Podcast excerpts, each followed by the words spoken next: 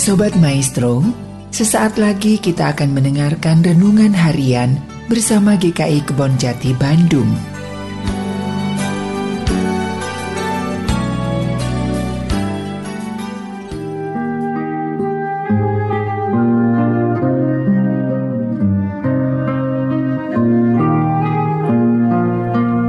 Shalom Bapak Ibu, jumpa lagi dengan saya Stephen Matthew dalam Renungan Harian GKI Kebon Jati.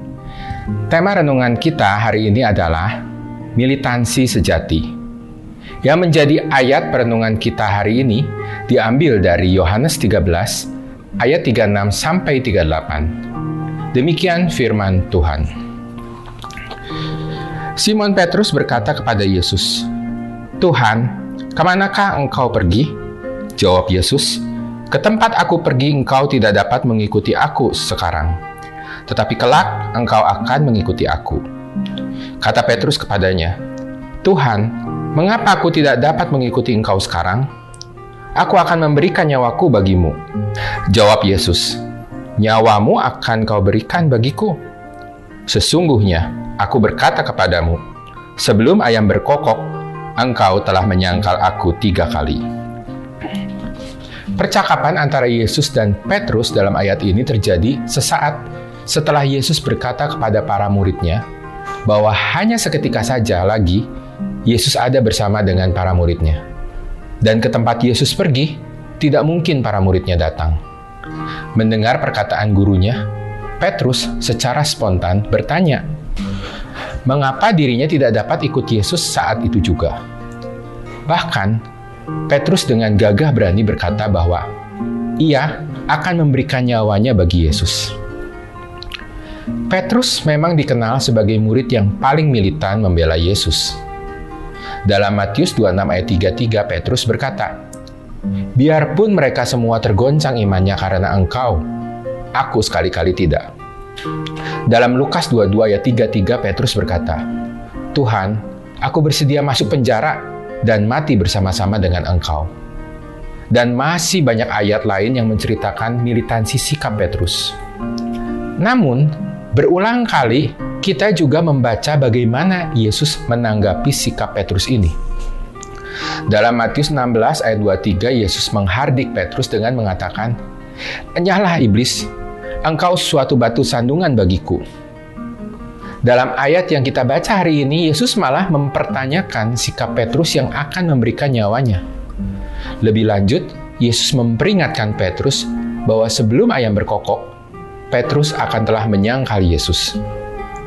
Berulang kali mendapat teguran keras dari Yesus. Namun, Petrus tetap militan dalam membela Yesus.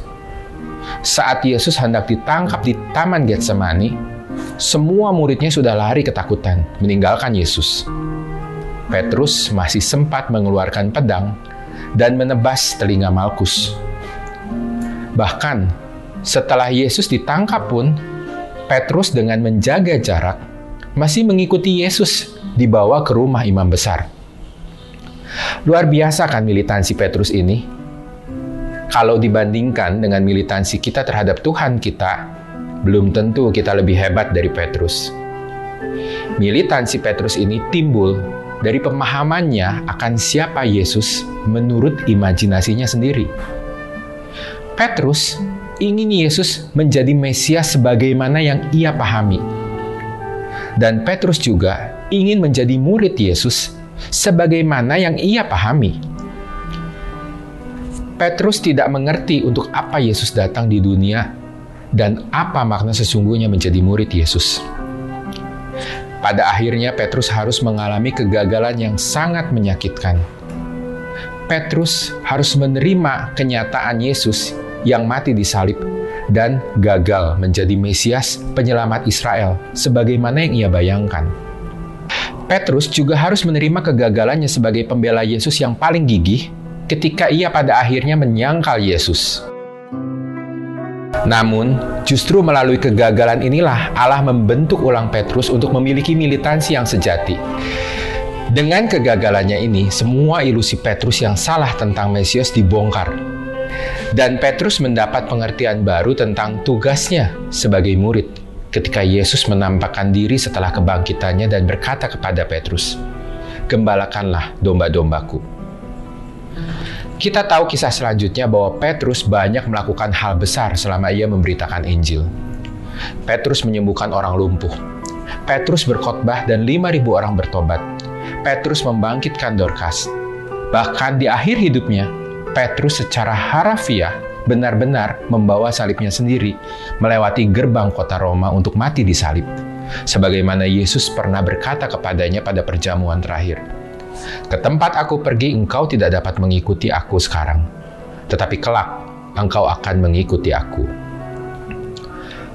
Seberapa banyak dari kita mungkin juga memiliki semangat yang berkobar dalam melayani Tuhan. Namun, apakah semangat tersebut didasarkan pada apa yang Tuhan mau kita lakukan? Atau kita bersemangat didasarkan hanya pada pengertian kita sendiri, hanya berdasarkan ilusi kita sendiri akan arti kesuksesan dalam pelayanan. Belajar dari kisah Petrus yang berulang kali mendapat tanggapan yang keras dari Yesus karena memiliki sikap militan yang salah arah. Kita perlu selalu merendahkan hati untuk menerima koreksi dari Tuhan dan taat akan kehendak Tuhan dalam hidup kita. Hanya dengan cara ini kita bisa memiliki militansi yang sejati sebagai murid Kristus.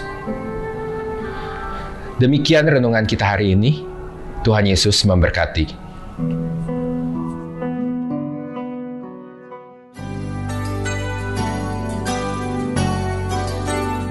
Sobat Maestro, Baru saja Anda mendengarkan renungan harian bersama GKI Kebon Jati Bandung. Tuhan Yesus memberkati.